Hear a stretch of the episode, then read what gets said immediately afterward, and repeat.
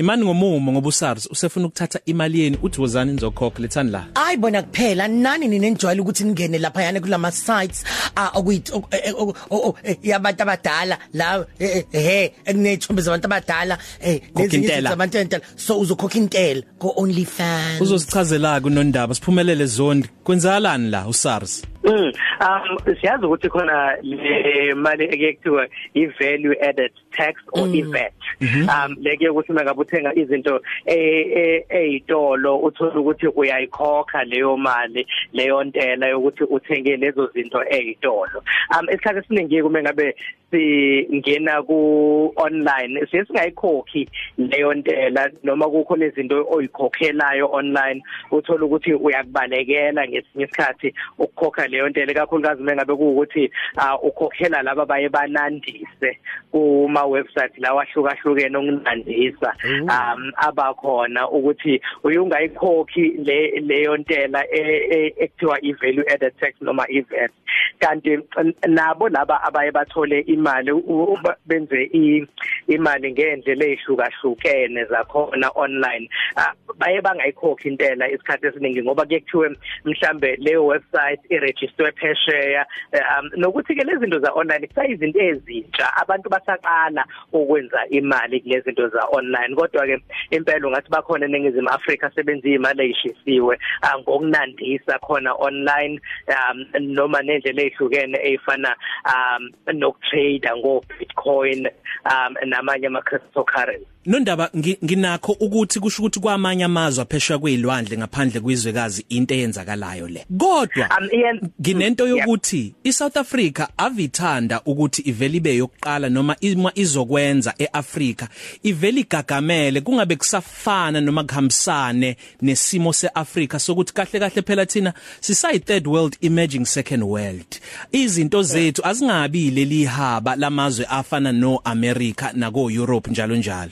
Kodwa ngicabange ukuthi la wena Njomane um uma ngabe wenza imali ethi ayibe ningana mhlambe uhulumeni usuke abona ukuthi ngoba umnikezile um izinsiza zokuthi ukwazi ukuthi kube lulana ukwenza leyo mali ethi ayibe ningana.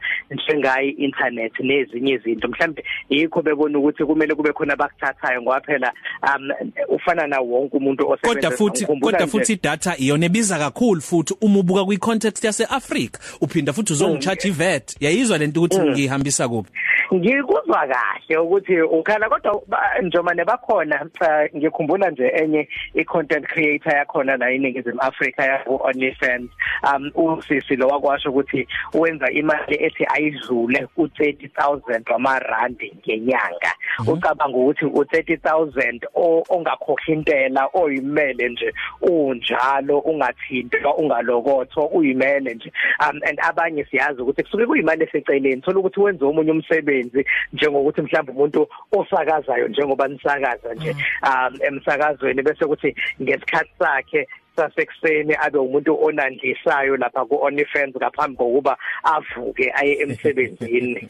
Awungitsheleke ke sibuye labayane ke laba aba tradeayo bo Bitcoin nani nani bazobathola kanjani bona labantu laba abona aba tradeayo mm ungathi ke kusayinkingana kona lokho kodwa ke ungathi usazi uthe usabheka indlela azo ngoba uthi kakhulukazi laba benza eningi imali ngoba phela mayiningi imali banezindlela zokubona ukuthi ngeke ngoba sike sizwe nangama lifestyle audits akenziwe ngezinye izikhathi ukuthi khona okushaya amanzi lapha imali yane nkangaka lapha kwenze engabe kwenzekani? Bathi basabheka ke kodwa bathi bayabafuna impela nabo laba abenze online trading ngama cryptocurrency ya iyangishaya lento ngoba iinternet iyona edlondlobalayo ukukhombisa ukuthi abantu abazoba osozigidi bazoqhamuka ngokwenza imali kwi-internet. Now ngolwazi lwami oluncane le-economics ukuzizwe lisimame lumele libikhiqize abantu abaningi noma abaningana abahosozigidi usuzoba balinde phela babe hosozigidi wasuzoba phuthuma ekuqaleni nje kusaqalwa la eSouth Africa. Uma ubona lento izoba nempumelelo?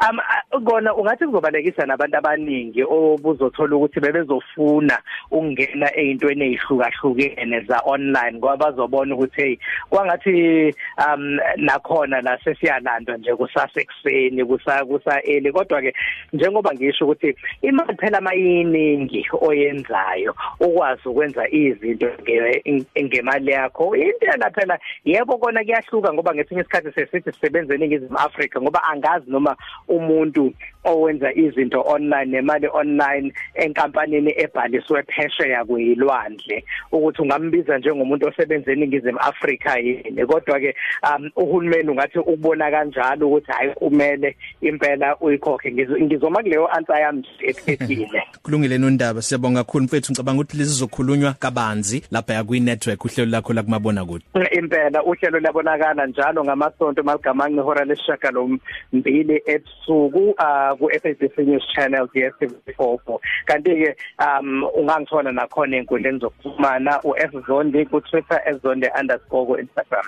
Angiboni kodwa ukuthi ngisho ngaphi bakhokha income tax noma iVAT lapha ka OnlyFans ukuthi imbone ezowa. Hayi impela ngoba ungazi ukuthi ikikhulu iyakhula impela lemboni kanti mina okungithusayo ukuthi kanti baningi kangaka abantu emhlabeni nakhona la eningizimu Afrika abafuna ukuyonandisa ngaleya ndlela abanandisa ngayo lapha lalela sazi kwenzakalani ekunethezekeni kweindonga zabantu kakhulukazi futhi mase kucishiwe ngisho njalo nami ukuthi eh, ikakhulukazi kuma complex nama estates mangawe indonga nje ebusuku yeyi!